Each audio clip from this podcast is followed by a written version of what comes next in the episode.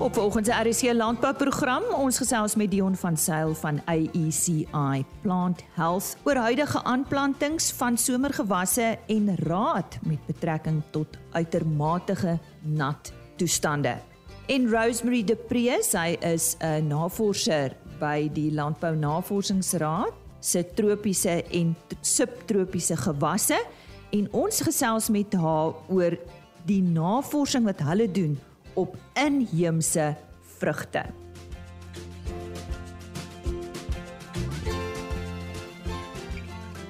Welkom by vanoggend se program. My naam is Lise Roberts. Ons begin met landbou nuus en goeie nuus vir ons landbou skou entoesiaste. Die bloemskou vind vanjaar vanaf 27 April tot 7 Mei plaas. Vir meer inligting www.bloomshow.co.za. Maar die 5 hoofrolspelers in die skoubedryf, naamlik die Bloemskou wat jaarliks dan in Bloemfontein plaasvind, die Royal Show van Pietermaritzburg, Nampo by Botawil, Nampo Kaap by Bredasdorp, Nampo Alpha by Botawil en Agri Expo wat 'n paar geleenthede gewoonlik daar in die Wes-Kaap aanbied, het byeengekom en besluit om Business for South Africa en Business Unity South Africa, SASCOC en alle sportfederasies te ondersteun. En uitstallers, borgers, deelnemers, boere en besoekers sal slegs toegelaat word indien hulle bewys van inenting kan toon. En nuus oor veevoer wat onlangs in All About Feed verskyn het. 'n Onlangse studie het verskeie volhoubare en nuwe voerbestanddele ondersoek as potensiële voer vir speenvarke en pluimvee. En een so 'n bestanddeel is seesterre wat 'n plaag by mosselplase is en verliese in mosselproduksie kan veroorsaak. Dit skep egter 'n onderbenutte neuweproduk wat vir diereverbruik geskik sal wees. Met 'n gemiddelde riproteïen konsentrasie van 39% droëmateriaal is seestermeel oor die algemeen minder proteïenryk as vismeel. Seestermeel bevat wel aansienlike vlakke van essensiële aminosure, hoewel die meeste effens laer is as die vlakke wat in vismeel voorkom. Daar is gevind dat proteïen van seestermeel egter goed deur varke verteer word met 'n ileum verteerbaarheid van 80%. En 'n bekostigbare laboratoriumstelsel wat grashalms gebruik om selle in gekweekte vleis om te skakel, is by die Universiteit van Bath ontwikkel. Navorsings het gras van die universiteit se kampus geneem en dit gebruik om 'n steier te skep waarin diere selle kan heg en daarteen kan groei. Die eerste stap in die nuwe bio-ingenieursproses behels die leegtap van grashalms waar tydens hul inheemse selle in 'n proses bekend as desellularisering uitgehaal word. Die gedesellulariseerde halms word dan met 'n stel selle afkomstig van muise gevul. Hierdie selle sal uiteindelik deur beesstamselle vervang word.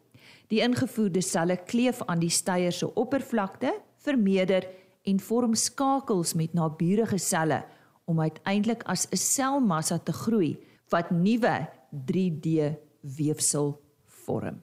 Nou ja, dis bewys dat die navorsing in landbou steeds voortgaan. Dit is dan vir eers die nuus. Waarom is dit belangrik om navorsing te doen op inheemse vrugte?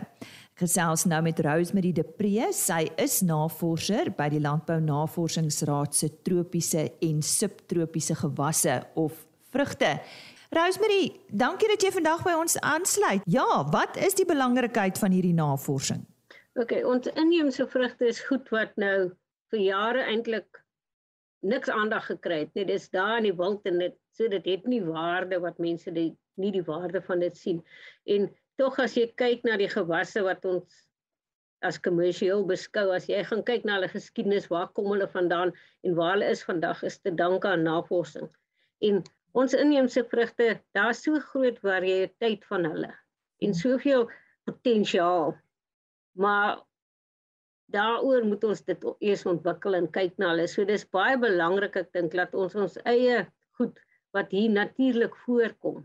Ehm um, bietjie navorsing op doen en kyk na dit. Jy weet want baie van hulle is goed aangepas want hulle groei in die klimaat. Hulle gebruik ons maak on, ons neem aan hulle het 'n kleiner waterbehoefte. Ons kan nie dit met sekerheid sê want ons het nog nooit genavors op dit gedoen nie. Ons is juis besig met waternavorsing op van dit saam met ehm um, WNR en so aan, maar ehm um, so ek dink ons in in veral in die die ehm um, vandag se omstandighede met klimaatsverandering en al daai goed wat ons na kyk is die ontwikkeling en die insluiting van ons inheemse gewasse baie baie belangrik. So en hulle het baie potensiaal. So watse navorsing doen julle spesifiek daar waar jy is by die Landbou Navorsingsraad op inheemse vrugte Rosemary? Kyk ons doen nou al net meer as 20 jaar navorsing op dit en ons het begin om te kyk na ehm um, watter vrugte kom voor, watter wat is die belangrikheid van hulle. Ehm um, so ons het begin om in die natuur te gaan kyk. Wat is daar ehm um, en en en alle potensiaal ons het dan ook saam met gemeenskappe want baie van jou landelike gemeenskappe gebruik die inheemse vrugte vir jare. Dis nou deel van hulle erfenis kan jy maar sê. Ehm um, en so ons het opnames met hulle gedoen. Hulle het ons in die veld ingevat, vir ons bome gewys en dan het ons geselekteer daar want hulle sê of jy sê daai is 'n selfde spesies, maar daai is suur en daai is lekker en so aan. He. So hulle het die die vrugte geken. Maar ons het ook met dit gesien dat eintlik van die kennis word verlore want die jong mense sien nie die waarde van die inheemse vrugte want as as ons met van hulle gepraat dan sê hulle nee maar as ek bome plant wil ek lemoene plant of mangoes plant want ek kan geld maak. En daai is net goed in die in die bos soort van hè. So ons het daarmee begin en ons het dan geselekteer en dan uit daai wat ons gekry het, ons het dit meeslik in die Wembe gebied van Limpopo en dan in die vorige Transkei die ouer Tambo distrik meestliks het ons gekyk ehm um, na in in daai gebiede omdat daar natuurlik baie meer inheemse vrugtebome in daai gebied voorkom. En dan uit daai het ons nou gekyk watter spesies word deur die gemeenskap as belangrik uh, aangewys en dan het ons dan verder gekyk na hoeveel vrugte dra hulle, die die voedingswaarde van hulle ehm um, en en dan het ons ook nog gekyk na watse produkte kan dalk gemaak met word met dit en so aan en uit dit het ons dan spesies geselekteer vir meer ehm um, meer navorsing op op daai stadium want natuurlik kon ons nie op almal doen want in die Ooskaap het ons omtrent 36 spesies geïdentifiseer wat die mense as belangrik beskou het en in Limpopo nog meer. So ons het daar uit dan het ons geëindig met 'n lys van so 6 7 spesies en dan het ons op dit begin kyk want natuurlik as ons praat van ontwikkeling van 'n spesies baie keer praat hulle ons weet almal van marula en al die produkte wat deesdae van marulas gemaak word Maar as jy kyk in die langtermyn, as dit in die in die natuur uh, geoes word, net daar. Dis nie 'n langtermyn ding wat kan aangaan. Jy kan nie 'n besigheid groei uit dit. Jy kan daai mark so maar soos 'n jou jou produkte groei, het jy meer vrugte nodig om jou meer vrugprodukte te maak. So die idee was dan dat ons kyk na dit en dan toe het ons begin kyk na voortplanting met maniere van voortplanting en van hulle se se saad uh, is moeilik om te kiem en dan kan ons ent en kan ons al daai tipe so ons het daai voortplanting navorsing gedoen. Ons het ook dan wat ons gedoen selektering in die in die natuur gedoen. So ons het deur van soos as ek vat as 'n voorbeeld nou die Davialis die keiappel het ons in die Ooskaap van dit gekry. Ons het hier in Mpumalanga van dit gekry in die Kreer Wildtuin gekry en so aan en dan het ons daai vrugte gevat en ontleed in die lab. So ons kyk dan na die die suiker-suur verhouding want dit het 'n uh, dit impak op die smaak wat jy gaan proe en dan ook na die vitamiene en en so aan want die idee is ook dat 'n mens dit kan gebruik veral in jou jou landelike gebiede vir in voedingswaarde as dit nou is want van hulle het 'n hoë Vitamiin A het ons gesien van hulle het baie hoë Vitamiin C ander het kalsium en en so aan so 'n mens moet nou kyk na daai Ehm um, so toe doen ons daai navorsing en dan het ons begin kyk na produkte en kyk watse produk kan ons met daai vrug maak. Soms het ons dit gemeng. Ek vat nou as 'n voorbeeld wie die Davial is want daar's nie so baie toe meng ons dit met van jou mangoes en so aan en dan kry jy wat ons noem 'n mix jam. En dis baie lekker en en so aan, nee, maar so van jou jou konfyte maak, ehm um, 'n nektars maak, droë vrugte maak en so aan. So ons kyk na al daai moontlike produkte en doen proefpanele en alles. So ja, so dis 'n redelik wye reeks goed. Um op hierdie stadium nou nie te in diepte natuurlik want um dis nog maar begin stadium né. Rosemary, wat is die belangrikheid van produkontwikkeling? Jy het so 'n bietjie daarna verwys, maar dalk 'n uh, bietjie meer daaroor? Ja, die, kyk die belangrikheid is veral nou as jy nou begin met die ontwikkeling van 'n vrug want van hulle is nog bietjie suur en sulke tipe goed. Dis nie al die teeling wat jy kry in ons kommersiële tipe vrugte wat oor die jare se se smaak verbeter is. Mhm. So dan kan jy uit produkte kan jy nou soos dit aanpas soos ek genoem het net uh, voorheen ehm um, laat jy dit met in 'n konfyt kan meng met 'n mango suurvrug dan kry jy 'n lekkerder vrug en so aan. So dis net belangrik uh, veral vir die begin en omdat dit 'n langer rakleeftyd het want natuurlik wat ons ook sal moet na kyk is is hoe lank kan jy hulle opberg hoe kan jy hulle dat hulle nie oorryp en so aan word nie as jy dit vars wou maak bemark so ja so dis eintlik hoekom dit belangrik veral vir 'n nuwe ding wat in die mark is is produkte dalk die maklikste om mee te begin Nou kom ons by ons gemeenskappe. Jy het vroeër daarna verwys en gesê dat dit eintlik belangrik is, maar hoe kan inheemse vrugte bydra tot die ontwikkeling en ondersteuning van hierdie gemeenskappe? Ja, kyk, ehm um, soos ek sê, ons het mos nou die opnames daar gedoen en die mense was baie bereid om hulle kennis met ons te deel. Daar het ons ook gesien dat die ouer mense die kennis het. Maar ons en hulle het al jare dit gebruik. So dit kan 'n manier veral as jy nou van die produkte kan hulle kan aan vervaardig daar in die in die landelike gebiede en verkoop. Ons werk op 'n een ehm um, saam sandbox en met 'n community waar ons van die bome nou plant. En die idee is dan sal hulle produkte maak wat dan aan die toeriste kan verskaf word en so aan. So dit gee hulle ehm um, 'n uh, ehm um, geleenthede om te kan klein besighede in hulle landelike gebiede. So dit dit praat aan die ekonomiese kant van dit want jy kan dit begin en en dit help dan daai gebiede wat nie eintlik veel het partykeer inkomste en so aan en dan ook kyk ons na die die die voedingswaarde van die vrugte wat veral in eh, as jy nou produkte soos nektars en sap en so aan kan maak wat in die ehm um, jou skool gebruik kan word as deel van die voedingsskemas sodat jy seker maak die kinders kry die regte voedingswaarde en nie net jy weet volmaan nie, maar genoeg. So ja. en daar kan inheemse en dit kan alles in die die gemeenskappe gedoen word. So dit gee hulle baie geleenthede vir ontwikkeling vir van die gemeenskap. Ja nee, dit maak sin. Eh, daar's natuurlik in enige bedryf uitdagings. So watse uitdagings is daar in die ontwikkeling van ons inheemse vrugspesies? Kyk, die die uitdagings is die feit dat dis met vrugte met enige vrugte is dit 'n langtermyn ding want jy kan nie binne 'n jaar of 2 jaar kry. So ehm um, mense moet besef jy gaan lank vat. Dis hoekom die produkte vir ons 'n uh, 'n goeie ding is want jy kan as dit 'n klein mark in die begin dan kan jy in die natuur nog oes. En soos dit groei, moet ons dan navorsing, maar dis 'n groot uitdaging is daai tyd. Dit gaan lank vat. Dit gaan nie ehm um, oornag gebeur nie. Die ander uitdaging is dat die as ons goeie produkte en dit kan verbou in die einde laat eintlik die mense wat dit al jare gebruik soos jou gemeenskappe moet daaruit kan voordeel trek. Mhm. Dit moenie on, ons sal nie graag wil hê dat alles en kyk die biodiversity um, wet dra ook by tot dit dat jy, jy weet jy kan nie net dit dat ander lande die jou kennis kan vat en dit gebruik. So ehm um, dit maar dit is 'n uitdaging om seker te maak dat die navorsing dat die gemeenskappe wat hulle kennis gedeel het met ons um ook waarde kan trek uit dit en dan natuurlik wat alle navorsing deesdae uitdaging is befondsing want daar is nie 'n industrie of iets wat dit kan befonds. So dit is basiese navorsing. So dit is 'n groot uitdaging.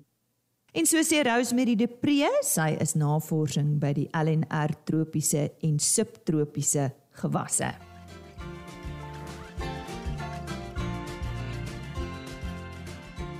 Nou ja, ons is so midde die tweede helfte van die somergewas seisoen. Talle boere het maar gesukkel om aan te plant, ander het met ander het dit weer goed gegaan. Maar kom ons boor presies uh, waar staan sake. Ek gesels met Dion van Sail. Hy is streekbestuurder van die sentrale streek vir AECI Plant Health. Dion, uh, goeiemôre. Lekker om jou ook op RC Landbou te hê vir die eerste keer. Ons is soos ek gesê het nou basies in die tweede helfte van die somer gewasseisoen. Hoe verloop die seisoen sover? Lise, ja, dankie, dankie vir die geleentheid om met julle te gesels. Ehm um, soos baie ander jare, ek wil amper sê elke jaar sê ons dit, maar hierdie jaar is geen uitsondering nie. Regtig 'n interessante seisoen. Ek dink aan die insetverskaffingskant het ons al op 'n vorige geleentheid gepraat oor die uitdagings wat daar tans is met voorsiening nie net in Suid-Afrika nie, maar wêreldwyd en dit het natuurlik 'n bepaalde invloed op almal van ons en elke liewe boer. Uh ons het insetkoste gesien wat styg, uh onder andere kunsmis en diesel. So inderdaad 'n interessante seisoen. En dan is daar so 'n bietjie die die huidige omstandighede of die huidige realiteit wat amper bittersoet is. Want gewoonlik is ons bekommerd oor oor droogte toestande wat heers in ons somersaai gebied. En en tans het ons in groot gedeeltes, ek wil amper sê grootste gedeeltes van daai gebied het ons bo gemiddelde reënval nê. En en is dit amper is dit uh, te nat? In sekere areas is dit problematies te nat. Jy weet, so dis dis inter, inderwaarheid 'n uh, interessante seisoen wat wat op hande is. Wat is die impak van die baie reën op die someraanplantings? Wel, Lise, eers sien ons dat heelwat van die gronde het so te sê 'n versadigingspunt bereik, nê? Nee? Met ander woorde, dit het meer gereën as wat as wat die gronde water kan stoor. Ehm um, enerzijds, anderzijds gewoonlik gronde dreineer oor tyd natuurlik. So dit die wateraanvulling is nou vinniger as daai dreinering. So ons sien basies dan nou versuiptoestande in groot gebiede en die versuiptoestande is is direk eweredig. Die korrelasie is met ander woorde daar's of suurstof of water in die grond. So wanneer die gronde so nat is, dan het ons dan het ons hierdie ehm um, jy weet hierdie versuiptoestande wat heers wat ons tans sien. Gepaard gaande daarmee om dinge asof dit nou nie erg genoeg is nie, sien ons laer as gemiddelde dagtemperature en ons almal ek is seker almal is weet sal kan getuig die aande is eintlik nogal koel vir hierdie tyd van die jaar en dit bring dan meer dat ons geakkumuleerde hitte eenhede um bietjie aan die lae kant is tans, jy weet. So en ons weet hitte eenhede is nodig vir 'n plant om sy natuurlike groei siklus te voltooi wat dan weer aanleiding gee tot opbrengskwaliteit en kwantiteit nê. So dit is so 'n bietjie van 'n van 'n effense dilemma tans wat ons wat ons oor die algemeen beleef. Nou ons is nou nie almal in jou skoene nie en ook nie almal landbouers nie. So verduidelik nou vir ons hoe lyk die sogenaamde versuip toestande dan tipies? Sjoe, dit dit kan nogal varieer. Van dit is natuurlik baie ooglopend. Mens sien met ander woorde jy sien water wat staan in die lande as jy so in die rye afkyk, mielies of so of so, sien jy die water water wat staan. Andersyds uh plante wat vergeel, verdwerg, sukkel om te groei. Ehm uh, jy weet amper nie lekker uit die blokke uitkom nie. Uh en selfs dan nou afsterwing van plante, jy weet hy hy hy verdroog amper wil ek sê. Ehm um, daai dit lyk so tipies soos 'n plant wat verdroog het amper as hy dan nou heeltemal afsterf en versuip. Nou julle het seker kristalbal waarna jy kan kyk Dion, hoe lyk die weervooruitsigte vir die res van die seisoen? Gaan jy dit waag? jy weet natuurlik as ek 'n akkurate kristalbal gehad het, ehm um, sou ek 'n skatryk man gewees het wat ek nie is nie. Uh, dis nogals interessant Lies. Ons het voor die aanvang van hierdie seisoen hier so Augustus September het ons met 'n bekende bekende weerkundige 'n gesprek gehad, so 'n sessie op Teams, nê, nee, te midde van lockdown om vir ons so 'n bietjie te kyk of kan hy die seisoen wat voorlê vir ons so 'n bietjie ontbloot. Laat die mense, jy weet, so 'n bietjie in jou beplanning dit kan inbou en so voort. En ek kan vir jou sê dit was werklik werklik akkuraat. Ehm um, die laer temperature wat voorspel is, die hoë reënval in nat Desember uh is met ander woorde 'n sterker La Nina neiging. Ons het almal gehoor van El Niño wat droër is en La Nina wat natter is en dan hierdie verskynsel dit wil voorkom of hy kan heers tot April. So ek wil regtig nie 'n voorspelling maak nie, maar vooruitsigte vir die seisoen lyk of uh jy weet vir die vir die afsienbaarheid of of of ons nog uh heelwat reën sal kry. Nou Dion, wat hierdie uitermate nat toestande wat dan nou tans heers, uh wat staan 'n boer te doen? Het jy dalk raad? Ja, dis seker nou die die million dollar question soos die Engelsman sou sê. Ek dink eerste ding, die eerste, jy weet, ek dink daar moet 'n beginselbesluit geneem word om positief en optimisties te bly ten spyte van omstandighede. Ehm um, ons het al in die verlede so so baie gesien, male sonder taal. Jy weet 'n paar dae se warm sonskyn weer en skielik lyk dinge anderste en, en gaan dit goed. Ehm um, ek dink dan is dit belangrik om om te besluit om elke moontlike geleentheid wat daar is om 'n positiewe verskil te maak, moet moet mens benut 100%. Uit die aard van die saak waar daar plante reeds afgesterf het of waar permanente skade is, is die koel deur die kerk en dis baie ongelukkig so maar baie van hierdie omstandighede wat ons nou sien is tydelik van aard. Met ander woorde, die water gaan dreineer, die plante gaan weer aktief begin groei ensovoorts. So tipies waar moontlik, jy weet, en 'n ou moet nou realisties hieroor wees, dit is nie vir almal moontlik nie. Almal is nie in hierdie praktyke nie, maar ek kan praat wat ons al uit ervaring gesien het is 'n vlak skoffelbewerking. Jy weet, verrig dikwels wondere, baie keer saam met die topbemesting, dit gee so 'n bietjie suurstof in daai boogrond en daai suurstof kickstart as te ware dan nou weer die microbiologiese om grondlewe en die wortelgroei ensovoorts nê nee, en ons weet daai goed is eintlik die kritiese suksesfaktore um, in in gewasproduksie.